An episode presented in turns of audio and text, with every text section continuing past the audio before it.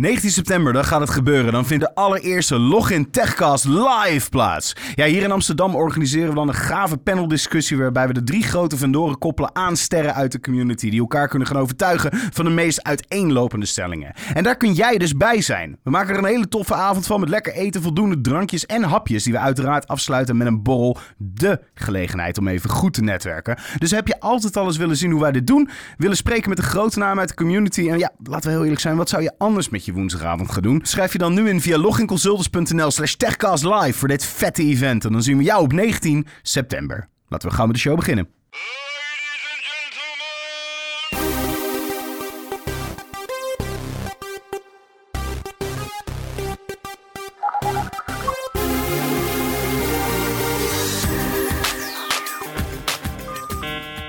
Hallo en welkom bij de Login Techcast, de podcast van Login Consultants. Dit is aflevering 11 waarin we het vandaag gaan hebben over het echte IoT.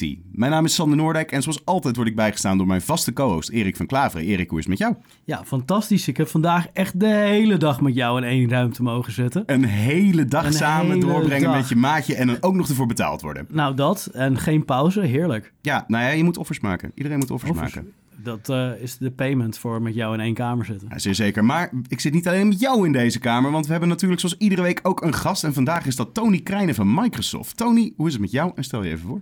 Hartstikke goed. Ja, Tony Krijnen van Microsoft. eh, werkzaam bij Microsoft sinds de, hou je vast, 1995. Heel, heel lang. Ja. Ja, begonnen bij de helpdesk. Dus, Echt? eh, Ja? Oké. En dat was een week voordat Windows 95 uitkwam. Dus dan weet je hoe mijn eerste week was.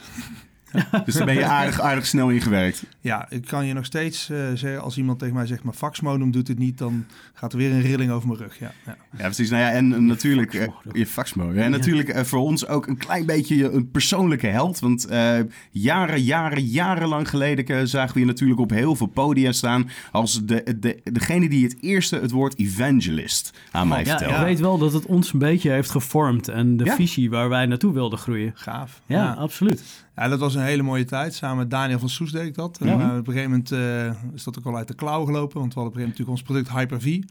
En Tony Daniel werd Hyper-T en Hyper-D. En die gebruiken jullie volgens mij nog steeds. Nog wel Ja, ja, ja. We gaan nu naar eh, een evenement toe, Inspire. En, waar alle partners samenkomen in Amerika.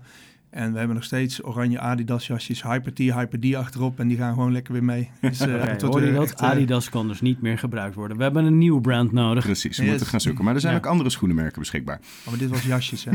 Oh, ja, jasjes. Nee, zeker. ja. Alright, en, eh, voordat we in de materie duiken, beginnen we altijd met een korte inquisitie. Vijf keuzevragen waarop we snel een antwoord willen. Achteraf is er altijd nog ruimte Hmm. om uit te wijden. Ja, Trackball of trackpad? trackball, USB of Firewire? USB, Firefox of Opera? eh, Firefox. Sensor, light of temperatuur? Beide. Kunnen we dat goed? Ja. Nee, Dus- keuzes. Keuzes. Je moet er een kiezen. Licht of temperatuur? Ja. Eh, temperatuur doen maar dan. Ja? Ja. Oké. Spaghetti of macaroni? Spa- ehm, duidelijk macaroni. Kijk, Oké. dat is ook het correcte antwoord Ja, overigens. ja, precies. Ja. Al die sliert altijd overal. eh. Moeten we, ik, er was wat, je wilde beide zeggen op de temperatuur of de light ja, sensors. ja, precies. Ja, weet je, temperatuur ligt, het is allemaal in één sensor. eh, dus ja. Er zit geen, geen persoonlijke voorkeur in van... Oh nee, nee, ik zat meer gewoon gelijk al technisch te denken zo van waarom zou je dat in godsnaam splitsen? Maar nee. Nou ja, het- wordt wel eens gesplitst. jawel, tuurlijk. Maar Ja, Zijn dus- er andere punten waar je over op wil uitweiden? eh, eens even kijken. Nog meer eh, dingen waar ik even wil splitsen. Firefox of Opera, USB of Firewire. Ja, Firefox is eh, wel eh, naast natuurlijk Edge, hè. We werken voor Microsoft. Tuurlijk. Dus wij eh, moeten onze eigen producten eat your own dog food, zoals Steve Ballmer altijd zei. Ja. Dus maar eh, als ik meerdere sessies openzet eh, met verschillende accounts en demo, dan eh, heb ik altijd Firefox erbij ook. Ja. Oeh, Scoop. Maar geen Chrome. Maar geen... Geen, Chrome. geen Chrome. Nee, Absoluut nee, geen Chrome? Nee, absoluut niet. Nee, sorry. Ook nooit, een- nooit geprobeerd? Principe kwestie of ja, functioneel? dat is principe. Ja, dat is wel gewoon... Ik werk dan, zoals ik al zeg, heel lang bij Microsoft. Mhm.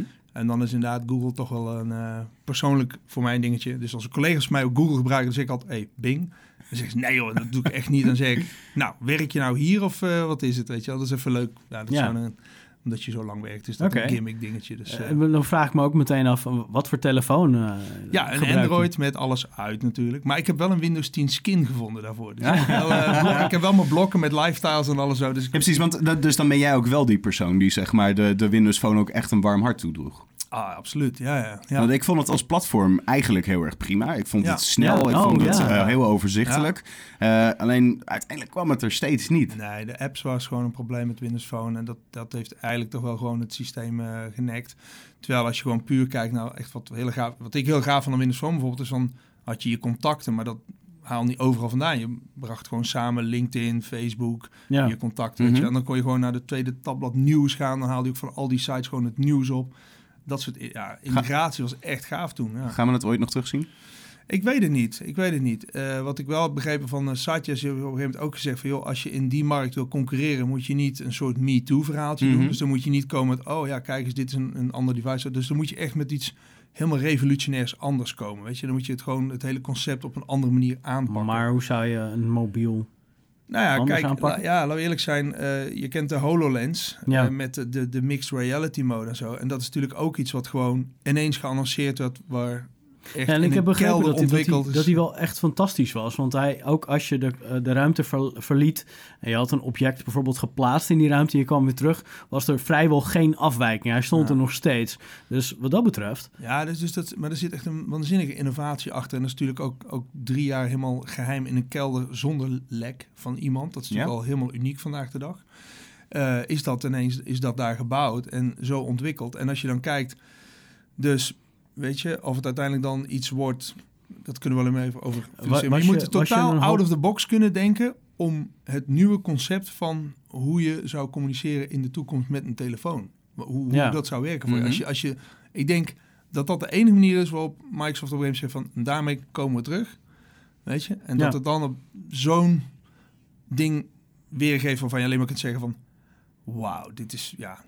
Weet nooit je- zo bij stilgestaan dat ik het zo zou kunnen gebruiken. Zo, dat, dat is de enige kans die je hebt eigenlijk. Mhm. eh, weet jij nog het moment dat wij eh, op een, een gamebeurs in Keulen stonden, dat wij eigenlijk alleen maar oog hadden voor het OS wat op eh, de Microsoft-telefoon eh, Ja. draaide. En dat niet uit. niet uit. En dat ze heel erg boos werden omdat wij de spellen die ze erop wilden aantonen, Ja. eh wilden showen. Iets en met Star Wars en zaten we nee, home button, want Nee, ik wil nee, dit we- bekijken. ja, precies. Ja, ja, ja. Alle, er- er- ik, ik ben heel benieuwd wat die toekomst gaat brengen. Ik heb HoloLens eh, kunnen proberen. Natuurlijk Ja. Het is nog steeds niet iets wat eh, heel veel mensen eh, hebben kunnen meemaken. En natuurlijk met al dit soort dingen is het wel zien is geloven. Ja. Eh, ik, Maar hij is nog wel lomp hoor. ja, het is lomp. Ja. Maar het, is, het voelt ook nog steeds als een prototype in mijn, eh, in mijn het- beleving. Het is nog geen eindproduct waar we gaan uitkomen. Nee, maar zo gaat hij volgens mij wel, en dat weet jij wellicht beter, vermarkt worden nu. Ja, het is natuurlijk een. Weet je, een, een, ja, kijk, je kunt natuurlijk kijken van hoe, hoe is het prototype model er dan af. Weet je, ik vind op zich de afweging of zo best wel eh, mooi met de, de ring en zo en hoe die zich vastklemt Mhm. op je hoofd. Ehm, het punt is dat die gewoon ook nog prijzig is, weet je. Dus het is ook geen Ja. consumentending, hè, weet je. Dus Nee. je ziet wel dat inderdaad allerlei organisaties dus met, met eh, hele gave ideeën erbij komen. Ik was in Amsterdam bij een bedrijf en zij hebben de software voor de gemeente waar alle leidingen liggen. Mhm. En dat hebben ze dus allemaal. Dus als iemand ergens moet gaan graven, dan zoeken ze in hun systeem op van nou, waar dan? En welke Mhm. plek ligt dan een kabel? Waar en, kan ik mijn schep de grond in Nou ja, en dus als ik dan hier die, die graafmachine laat trekken, dan gaat er niks stuk. eh, hoop, gaat dat wel stuk, moet het dus in het systeem bij.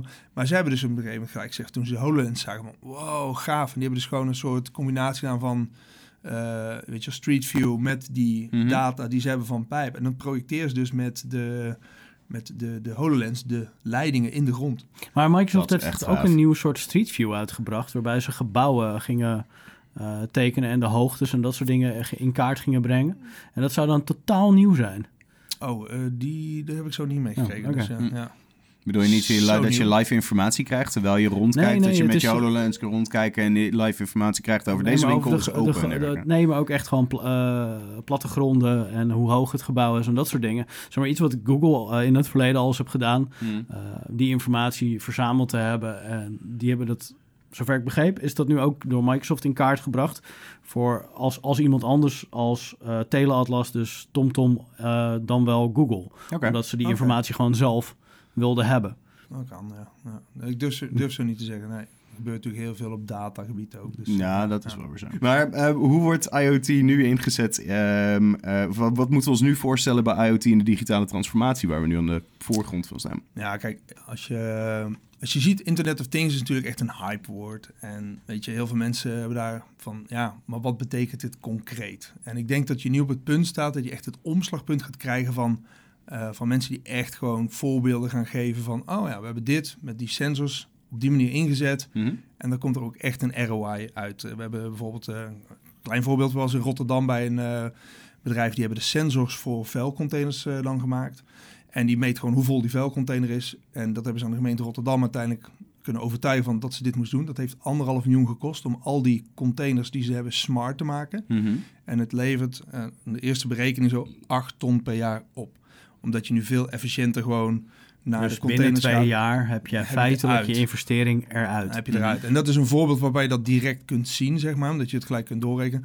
Hij zei ook van ja, je je hebt nog een hele hoop kosten die je niet eens meeneemt. Want als zo'n vuilcontainer normaal vol is, dan in sommige gebieden zeggen mensen ook, hij is vol. Maar ik neem het ook niet mee terug. Dus dan hè, Nee. wordt dat er gewoon bijgezet. En op een gegeven moment ligt dat over de straat heen. Dan moet ook het ook weer opruimen. En zo grappig is wat die man in gesprek. Hij zegt, en we hebben aan het eind van vorig jaar nog een andere grote besparing ontdekt.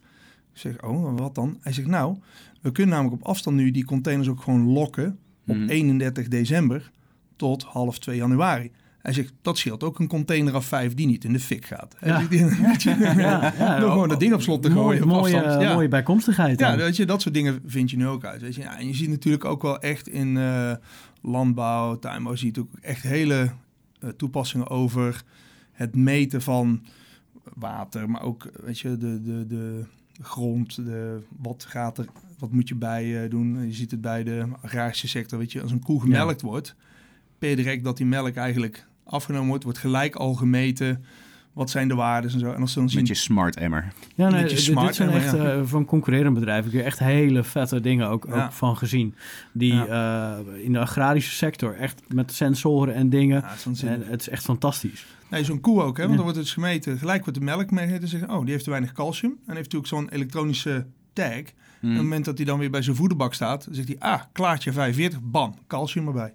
Ja. Weet je, dus dan eh, de volgende keer is de melk weer on par met, eh, met de rest van, Mhm. eh, van de klaarras. Maar, maar op, op zich is dit natuurlijk ehm, niet nieuwe technologie. Nee, nee. Want we meten wel vaker dingen, eh, maar we deden er niks mee. Dus hoe, hoe maakt IoT dan nu IoT? Nou, kijk, wat je ziet is dat de ontwikkeling van de cloud... dat natuurlijk voor het eerst echt ook mogelijk maakt... om die, al die data goed inzichtelijk te krijgen... en dan op een gegeven moment ook te zeggen van... oké, dus dit is normaal en wat wijkt dan af? Hè? Dus, en dat zijn allemaal machine learning modellen. En machine learning bestaat natuurlijk ook al heel erg lang. Dat is ook al in de jaren 60 natuurlijk verzonnen. Maar ja, welke computer ging je dat dan op doen? Weet je, Mhm. dat was we hebben nu pas uitdaging. eindelijk die rekenkracht en de mogelijkheden om dat te doen. Kijk, en dan heb je nu de modellen en dat soort dingen. En dat zie je ook dat dat eigenlijk steeds meer gemeengoed wordt. Hè? Dus in het verleden als je zegt van nou, oké, dus ik heb dan sensoren die geven data. Hoe ga ik dan bepalen wat normaal is en wat dan afwijkt en wat moet ik daar dan mee doen? Dan moet je dus hele intelligentie, hè? artificial intelligence, machine learning modellen voor maken, zelf schrijven en dan uittesten. En garbage in is garbage uit, dus je moet dat toch een beetje opschonen. Er zit een hele hoop eh, ja, handelingen eigenlijk aan voordat je een, een oplossing hebt waar je mee aan de slag kunt. En het ene systeem is natuurlijk het andere niet. Dus nu ook die data Ja. bij elkaar vergelijkbaar Ja. maakt tot waar we nu kunnen zijn. Ja, zeker. En wat je, wat je nu ziet is dat we op het moment... Kijk, met name Microsoft is altijd een bedrijf geweest wat zegt van... hey, we willen technologie zoveel mogelijk ontsluiten voor, voor de massa. Zo makkelijk mogelijk maken. En dus hebben we een website bijvoorbeeld gemaakt. Dat heet eh uh, www.azureiotsuite.com. Als je daar naartoe gaat, dan kun je inloggen met een account... waar, een, waar je een Azure abonnement aan vast hebt zitten. En dan kan je dus kant-en-klare IoT solutions in laten spoelen op je Azure subscription. Dus dan spoelt hij een predictive maintenance template in of een connected factory of remote monitoring, noem maar op. Dan kun je dus gewoon inspoelen en spoelt hij voor je de IoT hub in, de machine Mhm. learning modellen, alle dingen. Het enige wat hij dan nog nodig heeft is, oké, en waar de sensoren Je hoeft alleen maar aan te geven waar je sensoren staan en hoe die heten. De, de, en- de sensoren koppel je eigenlijk aan het systeem en dan komt de data binnen en dan heb je, een, heb je eigenlijk een soort pilotomgeving, een soort mock. Ja, weet je, het is eigenlijk gewoon een compleet werkende omgeving. En die moet je dan volgens natuurlijk wel gaan zeggen van oké, en wat willen wij er dan precies mee? Maar het is echt een complete voorbeeldomgeving, een soort demo-omgeving waar je meteen mee aan de slag kunt. met een website en rapportage. Dat is echt wel heel gaaf, weet je. Dus het is helemaal niet zo weer ook van als Microsoft partner of als collega, als je zelf van ik wil er zelf mee aan de slag, dat je van nou, hoe ga ik dan even machine learning leren, weet je. Dus dat, je kan gewoon zo'n kant-en-klare oplossing inspoelen en dat dan Mhm. weer uit elkaar trekken. Ja. Ja, dus het, het, het is eigenlijk wat je feitelijk doet, is eh, het oude BI pak je op met sensoren die ze dus vullen. En jij gooit er een soort van task sequence tegenaan, die dan daadwerkelijk bruikbare informatie eruit haalt of Ja. omzet tot acties. Precies, ja. ja. Want uiteindelijk zeg je bijvoorbeeld, kijk naar predictive maintenance. Dat is wel leuk als je trouwens kijkt in onze slides hoe ze dat eruit leggen. Predictive maintenance. Wil je dat de eh, monteur voor je ijskast vooraf op de stoep staat? Of wil je gesmolten ijs? Dat, dat gesmolten Ja. ijs, dat spreekt iedereen aan. Maar, nee, maar dit is dus gewoon een feit van... Hè, door middel van sensoren kan je op een gegeven moment zeggen... van, oké, een motor, zoveel trillingen, zoveel... Weet je, dit is ehm, normaal, zo vaak gaat die aan. Of dit is de snelheid van de vloeistof in die ijskast, whatever. Ja. En op een gegeven moment weet je, nou, dit is normaal. En op een gegeven moment, als dat natuurlijk terug begint te lopen, dat kun je ook zeggen, nou, dat verwacht ook. In tien jaar zal die vloeistof teruglopen in snelheid naar, nou, van 100 naar, naar Nou, ik- 80 of Ja. whatever. Weet je, maar als je op een gegeven moment natuurlijk na vijf jaar al op 79 zit, dan gaat er iets mis. Weet je? Ja. En dat is dus predictive maintenance. En die modellen, die technologie, dat is iets wat er nu gewoon is. Weet je? En dat is iets wat ik denk van, dat is iets wat veel mensen nog niet weten, hoe gemakkelijk het nu is om ermee te beginnen. Mhm. Het belangrijkste natuurlijk is nog steeds het zoeken van wat dan? Wat ga ik dan doen en wat is Ja. het nut? Weet je, ik denk dat dat weer heel veel partners die ik spreek hebben daar het grootste probleem. Ze snappen IoT, nou, eh, het concept IoT, de sensoren, de data, wat is normaal, wat is niet normaal. Maar dan, oké, en bij wie en wat dan? Weet je, dus dat is een beetje. Hoe pas ik dat nu even Ja. kant en Ja. klaar toe in mijn precies. bedrijf? Ja, ja. Maar dat, dat- ja, dat is natuurlijk, je moet, eh, net als een monitoringpakket. Mhm. Eh, het is een toolbox waar je van Ja. alles mee kan. Maar als je hem niet inregelt, ja, dan is het, Nutteloos. wat hij net zei, weer garbage in, garbage out. Ja. Eh, het of voorbeeld wat niemand je, pakt het op, weet je. Dat Ja. natuurlijk ook nog. Je, moet, eh, je hebt wel alle technologie in place, maar niet de proces of de mensen. Dat is die, ook die, wel een of, ding of wat ze erbij komt. houden ervan om gewoon iets repeterend te blijven doen. Dus iedere Ja. ochtend die mailtjes die eh, je storage zeg maar bijhoudt. Iedere ochtend eh, eh, controleren hoe groot de mailboxes zijn. Iedere ochtend je, je, je database maintenance doorlopen. Eh, blijkbaar, ja, Ja, er zijn mensen die nog steeds graag zo hun dag eh, Ja. vullen. De, Hm. ik En maar denk dat is- dat beter kan. Eh, absoluut, maar dat, het voorbeeld wat je net gaf van die ijskast, zo hoorde ik, denk ik, zo twee jaar geleden alweer, een, Hm. een eh, leverancier van ehm, cv's. Hm. Hebben we allemaal in ons huis, die zorgt voor de warmte. En die hadden iets bedacht van, ehm, die, die, die, die gingen naar het weer kijken, maar ook zeg maar naar de staat van, eh, hoe voel ik mij als cv zijnde. En die g- stuurden dan ook inderdaad die monteur aan en die zeiden dan, eh, er stond dan zoiets iets geks in van, hey, ehm, volgende week wordt het koud. Ehm, of nee, wacht, laten we dit terugdraaien. Ik voel me niet zo best. Ehm, ik hoop dat jij je beter voelt. Zal ik een monteur aansturen? Overigens, volgende week wordt het koud. Dus wat wil je dat ik doe? Hm. En dat waren echt letterlijk dat soort gesprekken. Stuurde die monteur naar de app toe op je telefoon. Of eh, de Mhm. monteur de cv toe op de app naar je telefoon. Geweldig. En dat zijn hele tastbare dingen. Net als die koelkast. Wil je gesmolten ijs? Ja, Ja. nee, dat wil niemand. Nee, nee. Maar dat zijn inderdaad echt hele mooie, hele mooie voorbeelden. Maar voor wat, wat je net al zei, als je de mensen niet hebt om dat neer te gaan Ja. zetten, hebben wij voor, als jij hiermee aan de slag wil in jouw bedrijf, dan heb je mensen nodig, eh, zoals jij Erik, die in je huis zeg maar allemaal dingen aan elkaar koppelt en eh, allemaal systemen aan elkaar heeft met allemaal sensoren. Eh, je hebt zo iemand nodig die dat... Omdat ik die- lui ben, Sander. Ja, nee, dat snap ik. maar je hebt iemand nodig die die kar trekt, zeg maar. Ik, ik kan me niet voorstellen dat, eh, dat dit een heel gemakkelijk... Dit zal nooit iets zijn wat standaard... Ieder, iedereen die een Windows-server beheert... die heeft allemaal een beetje ongeveer dezelfde kennis, toch? Het is nooit iets wat je standaard, denk ik, eh, mee gaat krijgen. Maar de parkeerplaatsen, waarin met zo'n rood lampje erboven. Het is, het is heel simpel. Eh, dat je in de Mhm. parkeerplaats Ja, inrijdt met dat je weet waar of een Ja. plek bezet is Ja, of dat niet. zijn hele simpele dingen, maar daar moet wel iemand over nagedacht hebben. Mhm. En dat is de Maar wat, invulling hoe- erin. hoe- wat is de start daarin? En dat, dat zou jij misschien wat, eh, wat meer van weten. Ja, ik- denk dat de belangrijkste start is inderdaad gewoon heel goed definiëren wat wil ik oplossen. Hè, want je kunt natuurlijk beginnen met, oh, laten we alles monitoren en alles bekijken. En dat is zo, maar als je daar verder geen doel bij hebt, dan heb je, heb je heel veel data, dat is fijn. Mhm. Maar ik denk dat het heel belangrijk is gewoon van, wat, wat wil ik oplossen? Welk probleem wil ik oplossen? En dan ga je kijken hoe zou een sensor daarbij kunnen helpen, zeg maar. Ehm, dus ja, en, als je die goed definieert, ik denk dat, dat de rest dan eigenlijk gemakkelijk volgt. Hè? Ik bedoel, je kan natuurlijk... eh simpel, je ziet heel veel mensen die natuurlijk binnen... oh, nou, Raspberry Pi, wat van die sensors erop... en dan, nou, dan krijg je data binnen... en daar kun je al wat if this, de, eh, if this then that... de Microsoft Flow of de Logic apps en Azure... kun je al heel veel stappen mee doen. Ja. Mhm. Weet je, was ik zelf op een gegeven moment ook mee bezig. Ik had zo'n sensor die, mat, eh, die meten het licht. En op het moment dat ik... eh, ik heb een oude wasmachine nog... maar die heeft wel een lampje klaar... Mhm. en toen heb ik die lichtsensor ge- geplakt op dat ledje. en dan meten. Nou, nu is het een waarde van onder de 200. En als dat ledje aanging, dan ging die tussen de 6 en de 900. Nou, dan weet ik dus, meet maar gewoon om de 5 minuten. Mhm. En als hij dan tussen de 600 en 900 is, dan stuur je mij een e-mail. De was is klaar. Ja. Simpele dingen. Maar die, ja, ik kan, eh, mijn punt is, ik kan niet programmeren. Maar toch heb ik dit dus voor elkaar gekregen door gewoon die building blocks in Azure aan elkaar te klikken en, en dat soort dingen te doen. En dan is het wel inderdaad in één keer heel toegankelijk, zeg maar. En dus daar begin je mee. Dus je begint inderdaad met een sensor, met, met een Raspberry Pi. eh, weet je, zorg dat die, die data binnenkomt en dat je daar wat mee kunt doen. Hè, dat je daar inderdaad zegt van nou, laat je het alleen maar in een dashboard zien of een Power BI stream. Dat je een grafiek tekent van hè, wat daar voor gegevens uitkomen. En uiteindelijk kun je daar vanuit dan weer zeggen van... Nou, wat, wat wordt het, hè, wat, probleem wat ik wil oplossen, dat zou ik dus hiermee kunnen oplossen. En dan ga je een stap krijgen waar je zegt van oké, maar dat wil je niet met Raspberry Pi doen. Maar dat- dat- dit is wel iets wat je van tevoren wil definiëren. Van Ja. joh, hey, ik ehm, heb, heb iets, daar loop ik tegenaan. Dus ik heb een behoefte. Ja. En die moet vervuld worden. Ja. Dus niet iets, joh, hey, ehm, ja, we gaan allemaal iPhones gebruiken, want eh, dat is tof. Dat, Ja. is, dat zou een foute keus zijn om ook... En iPhone is misschien een slecht voorbeeld, maar dat zou een foute keus zijn om hier aan te beginnen. De behoefte van, hey, we willen allemaal iPhones, zou.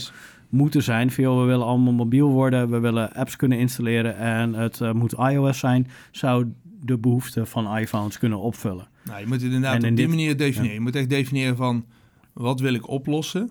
Hè? En dan inderdaad kun je dus zeggen van en zou eh, sensoren en IoT daar een oplossing voor kunnen zijn. En als dat zo ja is, dan kun je daar een test mee doen en dingen proberen. Want ja, weet je, als je dat niet definieert, dan kun je natuurlijk geweldig overal dingen ophangen en sensoren hangen. Of dat zijn, maar dan kom je misschien nooit tot het moment van, ah, dit is dus de besparing. Of dit is hetgene wat me gaat opleveren dan, weet je. Dat is een beetje het Maar- zoeken. Maar hoe, hoe ja, oké, dus we zijn eigenlijk nog zoekende hoe, er, hoe dit toepasbaar is binnen enterprises. Of zijn er, Nee, er zijn genoeg voorbeelden. Er zijn absoluut genoeg voorbeelden. Alleen, kijk, op het moment dat je natuurlijk voor jezelf zegt van... hé, hey, wat zouden wij als Mhm. organisatie kunnen doen met sensoren of dat soort dingen, Dan kun je heel snel zeggen, oh, we kunnen hier sensor plakken, kunnen daar data uithalen, et cetera, et cetera. Mhm.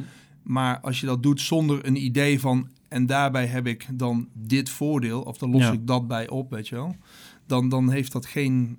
eh, ga je nooit komen tot een succesvol eh, product of een dienst of een, of een Ja, IoT-mogelijkheid, om te zeggen. Weet je, en dan uiteindelijk strandt het een beetje op van, nou, oké, we hebben die data en wat inzicht uit, maar niet echt dat het een, een op, iets oplevert en dan wordt de case Mhm. lastig te maken. Ja, en het, en het wordt ook natuurlijk een kostenbaten eh, ding. Want we, we, ken- we kennen natuurlijk het voorbeeld van eh, de vergaderzaal... eh, die automatisch zodra je, je afspraak geboekt is, dimt en de beamer aanzet... en iedereen netjes een uitnodiging stuurt.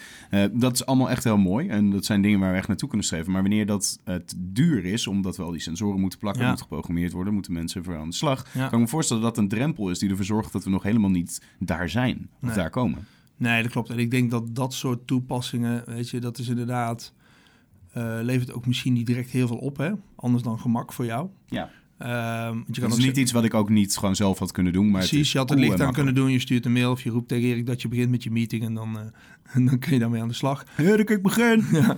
Waar blijf wanneer je? dan?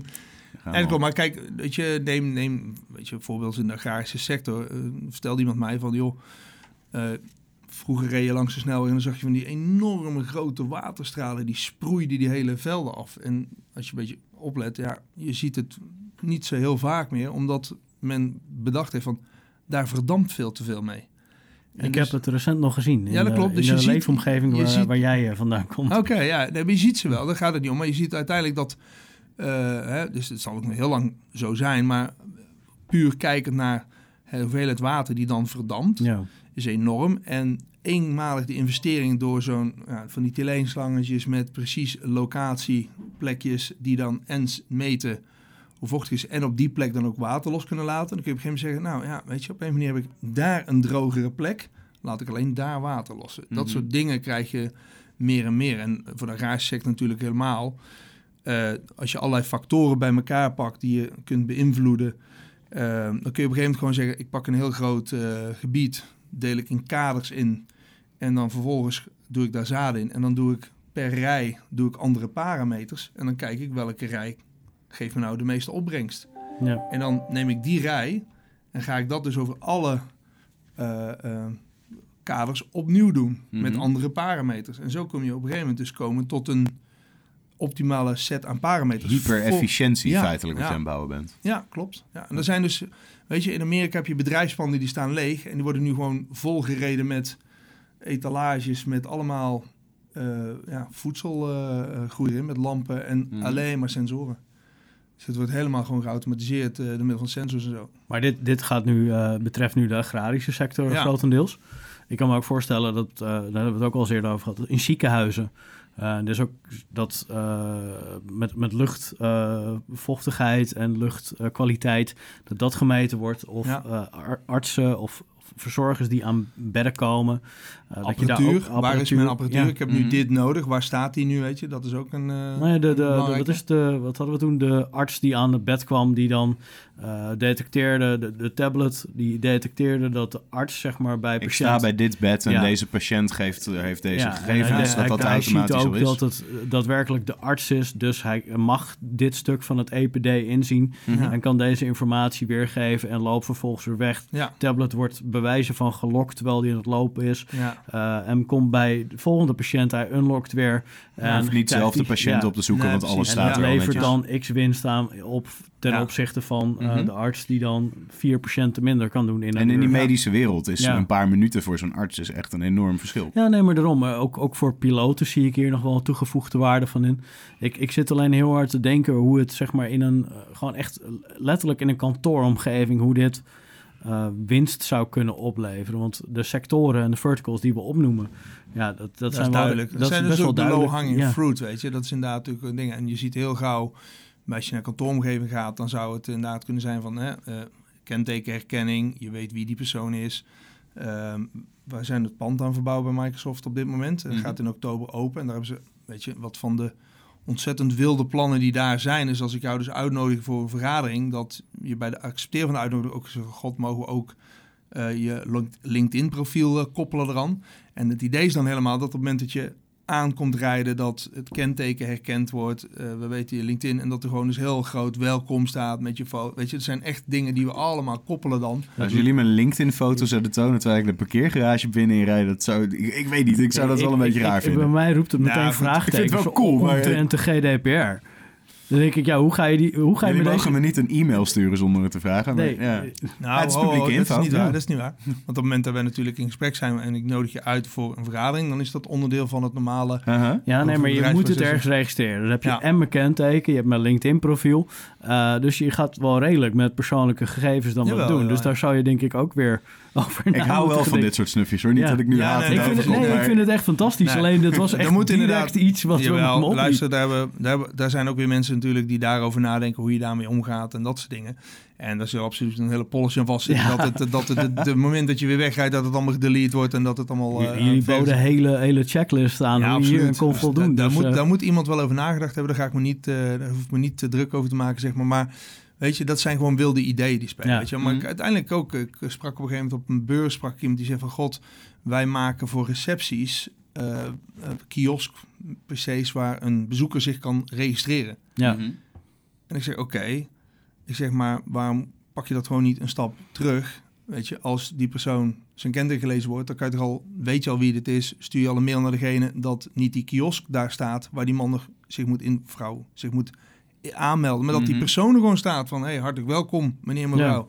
Weet je, dat, dat is, ja, en die hadden echt zoiets van, ja, je moet het veel breder trekken natuurlijk. Je moet veel verder gaan dan alleen maar Mhm.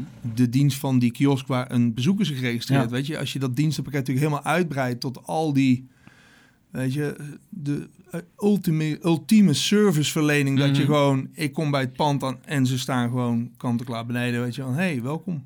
Ja. op Ja. manier verklaveren. Ja. Ik bedoel, dat is, wel, dat is wel cool. Weet je, dat ze het in een hotel doen bijvoorbeeld, dan is dat ook altijd... Geef, laat je net even wat specialer voelen. dat- ik denk dat dat wel cool is. Ik, ik dacht dat we dat initieel ooit gingen doen met je I, I, DigiD. Mhm. dacht ik van nou, dat is één registratiepunt waarbij je overal voor overheid, belastingdienst en dat soort dingen kon inloggen dat die gegevens bekend waren. Maar nog steeds moeten jij en ik, en jij Mhm. waarschijnlijk ook, je belastingaangifte doen. Je moet nog steeds zeg maar registraties doen en opnieuw doen. En ik snap nog steeds niet waarom bijvoorbeeld mijn BSN niet gekoppeld is aan mijn bankrekening. En dat die twee nog gescheiden zijn. En er zal ongetwijfeld iemand over nagedacht hebben, maar volgens mij is het redelijk makkelijk op te lossen. Maar dan heb je ook één registratiepunt die veel breder is getrokken. Mhm. Wij, Waarvan... wij zijn op een gegeven moment bezig geweest. Op een gegeven moment gedacht van... eh, in Amerika is op een gegeven moment een pilot ook geweest met postkantoren.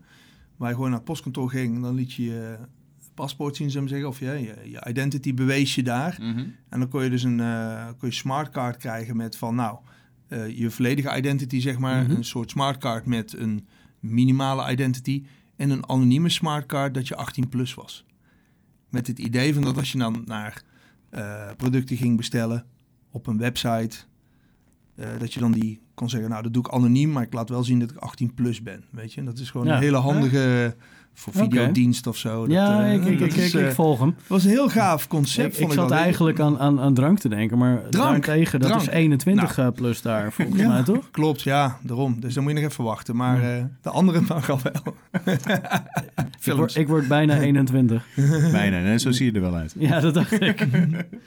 Hey, maar even over een hele andere boeg. Eh, IoT wordt heel veel geassocieerd natuurlijk met eh, open source. En eh, Ja. iedereen mag er tegenaan eh, Eh, hoe, hoe, is, Onveilig. Nog zoiets. ja, hoe, hoe is de rol van Microsoft erin? Ja, dus als je kijkt, we hebben natuurlijk eh, veel van de IoT, wij zijn met name aan de achterkant natuurlijk bezig. Dus je praat er heel veel over de, de mogelijkheid om eh, de gegevens in een clouddienst te krijgen. Dus een IoT-hub als dienst. en dan vervolgens kun je dus, als je daar binnen hebt, kan je er vanuit alle mogelijkheden het overal naartoe sturen. Maar dat mag dus ook een Hadoop-cluster zijn wat je daar draait. Weet je, wij Mhm. omarmen open source natuurlijk helemaal. Eh, veel van de VM's die op dit moment op S draaien zijn ook gewoon allemaal Linux. Je hebt complete Linux-distributies klaarstaan. SUSE, Red Hat is allemaal beschikbaar daar. Ehm, dus en uiteindelijk gaat het ook om op die devices zie je ook natuurlijk een hele hoop open source. Sterker nog, ik weet niet of je het meegekregen hebt, we hebben natuurlijk ook laatst eh, een chip aangekondigd, een eh, microcontroller. Ja. En dat is de Azure Sphere. En de Azure Sphere is een Ik heb het gemist. Nou, kijk eens, dat is mooi. Ja. Heb ik een nieuwtje voor jullie. Ja. hebben een chip aangekondigd en hou je vast met een aangepaste Linux-kernel erop. En dat is Satya's... eh, Dat is een ding voor Satya. Ja, Ja, precies. Nee, maar weet je, uiteindelijk zeg je gewoon, joh, voor in een microcontroller, weet je, daar hoef je geen embedded Windows dat ding te hebben, want de functionaliteit die je wil maken is gewoon een, eh, een, een, ja, een microcontroller voor een appliance. Dus Mhm. dat is gewoon iets waarbij je zegt van, hey, ehm, een aangepaste kernel is daar een prima oplossing ik voor. had het anderzijds wel heel doop gevonden als, eh, als er een een of andere embedded DOS-versie of zo stond. Ja, Want daar konden we wel heel veel mee. Ja. Ja, maar ik zou, dan zou ik wel voor Commodore 64 willen gaan. Ja. Als je dan toch eh, losgaan. Ja, maar dit is bijvoorbeeld wel eh, het hele idee daarachter is. Er, er gaan 9 miljard appliances per jaar de deur uit met een microcontroller. Mhm. Daar is nu minder dan 1% van connected. Dus helaas, onze oven, koelkasten is allemaal nog niet connected. Gaat natuurlijk wel allemaal komen.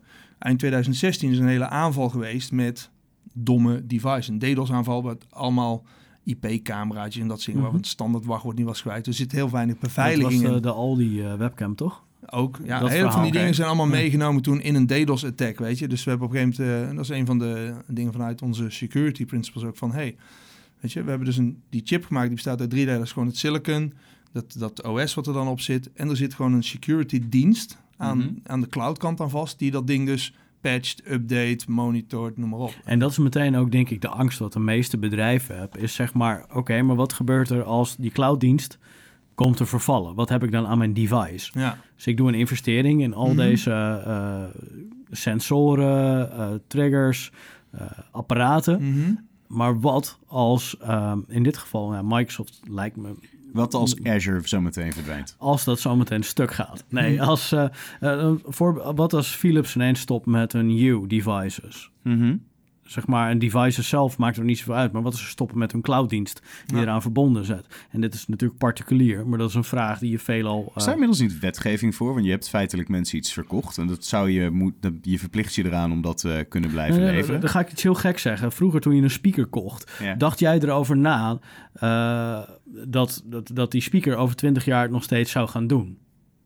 Ik niet. Nee. Maar tegenwoordig, als je een smart speaker koopt en ze doen eenzijdig een update, dus ze veranderen een policy en je moet ineens betalen voor het gebruik van je smart speaker en je doet dat niet, of hij krijgt geen updates Voor meer, het updaten van je smart speaker. bijvoorbeeld, Mhm. en hij doet het daarna niet meer, Dan heb je een goede rechtszaak. Ja. Nee, dan, dan doet ineens ja. je speaker het niet Ja, meer. ja. Terwijl diezelfde speaker 20 jaar geleden. En dat is natuurlijk niet dezelfde. Want, Ja, ja. ja, dan, is er, dan heb je ineens, je hebt ineens een heel ander verhaal. En dan heb je Ja. het over een speaker. Mhm. Ik weet dat Microsoft in ieder geval de, de een hele... ehm, weet niet of het een stichting is of foundation of iets of dergelijks of zo. Maar er is een, een hele garantie dat als Microsoft ook failliet zou gaan of zo... dat er dan dat hele beheer, die hele S-Cloud zo draait dan onder een foundation verder. Dus er zit een... En ik acht die, die ook niet heel erg zeg maar Nee, snel. nee, maar, daarom. maar het is eh, wel Ja, een ja. gedachtegang Ja. die bij... eh, Ja. ik, ik weet eh, het van particulieren die, die speelt. Veel, maar wat, wat als dit? Mhm. Ja. Ja. en die snap ik. En ik kan me dan ook wel begrijpen dat het automatisch ook bij enterprises zo is. Van, joh, Ja. maar wat als ze ineens stoppen met deze dienst? Nou, neem een BlackBerry natuurlijk. Dat gaat Ja. ook altijd via een derde eh, Mhm. laag zo. hè. Dat heeft op een gegeven moment ook eh, twee dagen uitgelegen. Jaren geleden. Dat En daarna eh, zagen we nergens meer Blackberries. ja. Het grappige was, ik las later dat... eh, dus BlackBerry lag er toen twee dagen uit. Er waren geloof ik eh, 60% minder ongelukken in Hongkong. Die dag, die, die twee dagen. Het ze wel- allemaal op een, op een telefoon kijken. ja, ja, dus dat is wel een eh, harde statistiek. nee, maar goed, dus vandaar dat we nu smartphones hebben, dan kan je het gewoon groot scherm typen. Nou, nou. Ja. Nee, maar ik denk dat, eh, weet je, tuurlijk, dat is een heel belangrijk eh, eh, argument wat je daar hebt. En ik denk dat het ook heel goed is dat als je gaat investeren in clouddiensten en naar, dat, kijk ook zeker naar hoe is dat dan geregeld. Ja. Wat als het bedrijf wat mij die clouddienst levert failliet gaat of weet ik veel wat mee gebeurt. Wat, wat, wat voor garanties heb ik dan? En daar zijn veel bedrijven natuurlijk niet bij stil. Hè? Ik weet dat heel veel startups gewoon denken... oh, nou, ik begin eventjes gelijk met start-up. We pakken de eerste beste clouddienst die we tegenkomen. Daar gaan we mee bouwen. Lekker goedkoop. Lekker goedkoop, weet je. En, en niet eh, verder kijken van... oh, als het nu in één keer verder moet... of we gaan doorstarten en dat soort dingen... we krijgen in één keer een, een major funding. Mensen zien er geld in. Was dit dan de juiste keuze geweest, weet je? Eh, Groeien zij ook met ons zo mee? Blijven ze dit bieden? Zijn we niet dadelijk een concurrent... dat zij daar een concurrent van onszelf worden... met hetgene Mhm. wat we bieden? Dus dat zijn dingen waar je wel even goed naar... in ieder geval de garantie van die de cloudleverancier levert... is wel belangrijk daarin, ja. ja. Ja, nou ja, op zich. Die heeft Microsoft heeft natuurlijk ook wel eens eenzijdig een, eh, een, een licentiemodel eh, gewijzigd. ja. En dat is natuurlijk in jouw verhaal nu ook, zou dat een issue kunnen zijn. Zeker. Eh, ja. Maar ja, dat ja, zal je dan met al die anderen ook uh, ja, dat, daar tegenkomen. dat blijf je altijd. Dat, is, dat zijn de dingen die natuurlijk altijd... Van, bijvoorbeeld zijn mensen zeggen van... eh, ja, je verhoogt de prijzen of dat soort dingen. Weet je, dat, dat blijf je continu natuurlijk houden van... Ja, hoe ga ik daarmee om? Weet je, en ik ben het met je eens dat op het moment dat je natuurlijk kiest voor een, een vendor die een clouddienst levert...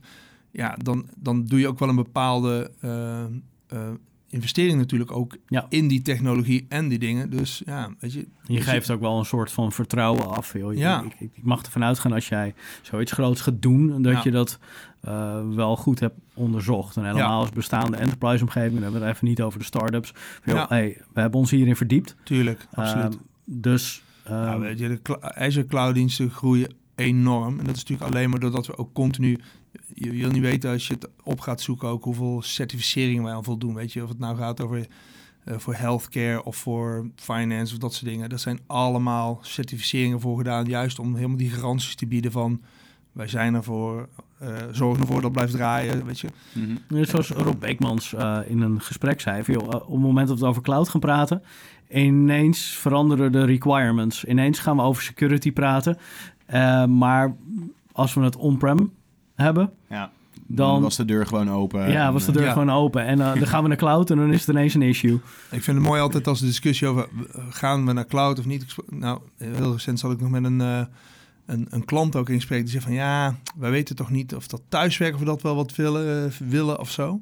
En uiteindelijk zeg ik van, dus, en je hebt niet het idee dat ze al heel veel gewoon thuiswerken zonder dat je het weet dan. Weet je, ik bedoel, Ja. Iedereen heeft gewoon eigenlijk al clouddiensten of dergelijke zelf in gebruik. En dat wordt gewoon om IT heen gedaan. Dus dat zie je toch heel veel. Schaduw-IT. Ja. ja, precies. Dat is toch een ding.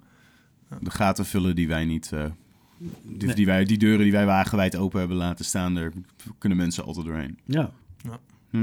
Hey, even als we het, eh, het, het afrondend proberen te bekijken. Ehm, eh, IoT is nog steeds echt enorm in de groei natuurlijk. Ja. Ehm, wat, wat is, zo, wat is een, een, een, een 10, 20 jaren beeld? Wat gaan we zo meteen zien? Wat, Is dat niet heel ver? Kan je niet iets, iets korter? Ik denk drie, drie tot, tot vijf.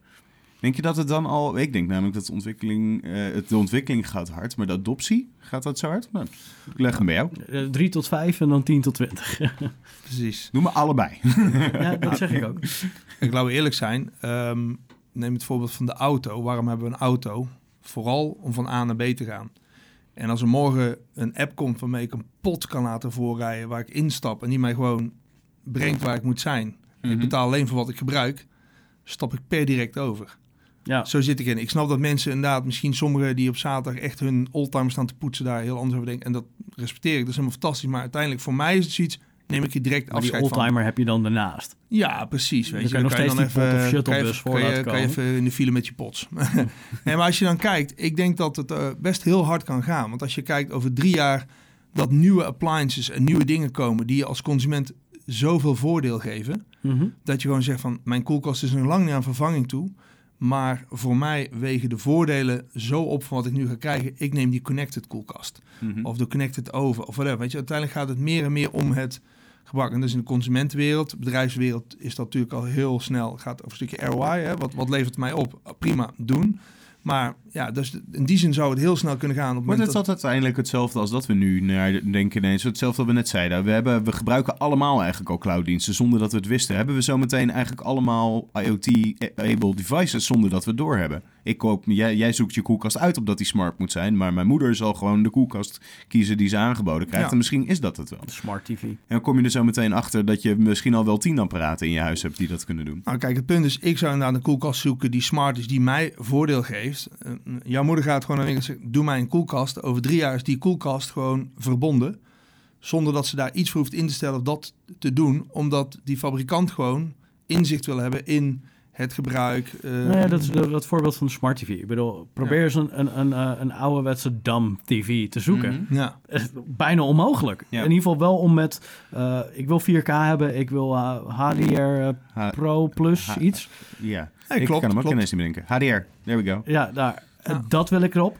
Geen één dam TV meer te vinden. nee, nee. Dus die koelkast. En zelfs Android hè, zit op tv's tegenwoordig, zie je ook. Ja. Dus, dus het is ook niet meer dat ze nog een eigen OS maken voor die tv. Er wordt gewoon ook al Ja. gewoon cloud In plaats van de trage eh, eigen, eigen apparatuur. ja. Dus je, ja, dus ik denk dat het eh, veelal heel erg snel zal gaan. Eh, wat je al aanzegt, zo'n smart tv. eh, nou, als dat dadelijk op dezelfde manier met je koelkast gaat. Je kan daar geen koelkast kopen zonder dat er verbinding gemaakt wordt of dat. Je kan Ja. natuurlijk nog steeds een aluminiumfolie wikkelen, maar voor de freaks. zit met regelmatig een hoedje op. Ja, ja, precies. Ja, ja. Moet je wel wat rollen voor meenemen. ja. ja. Nee, maar ik denk dus uiteindelijk, weet je, dat is drie tot vijf jaar zul je denk ik heel snel zien dat er heel veel devices, eh, als fabrikant, als je nu niet bezig bent met het connected maken, inzicht krijgen in de data en daarmee ook je, je producten en je, eh, je dienstverlening te verbeteren, ja, dan ga je dadelijk echt de concurrentie verliezen Mhm. met de partijen die dat wel doen. Dus daar zie je ook een speelveld komen van, ja, ik weet niet of ik er iets mee moet doen, maar als ik er niks mee doe en zij doen het wel, Ja. dan zijn, dadelijk, zijn zij efficiënter, beter, meer inzicht en dat zingen.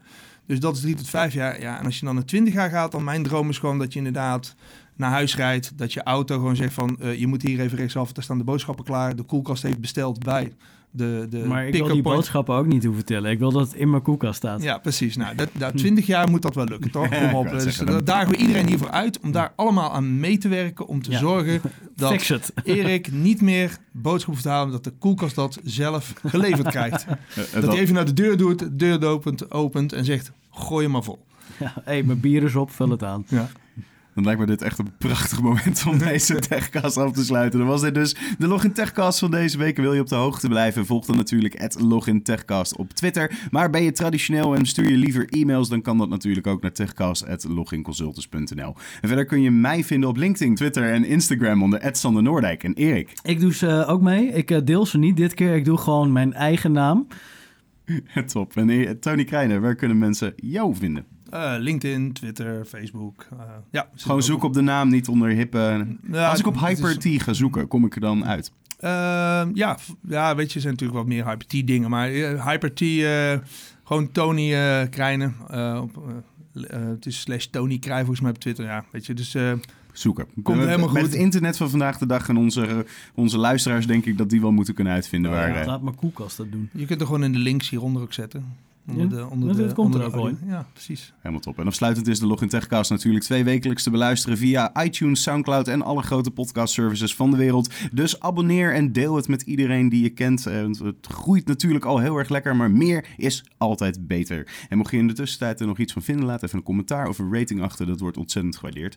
En dan bedank ik mijn gasten, mensen achter de schermen. Uh, Erik van Klaveren, mijn co-host. En natuurlijk jou als luisteraar. En dan horen we je graag terug bij de volgende Login Techcast. Go.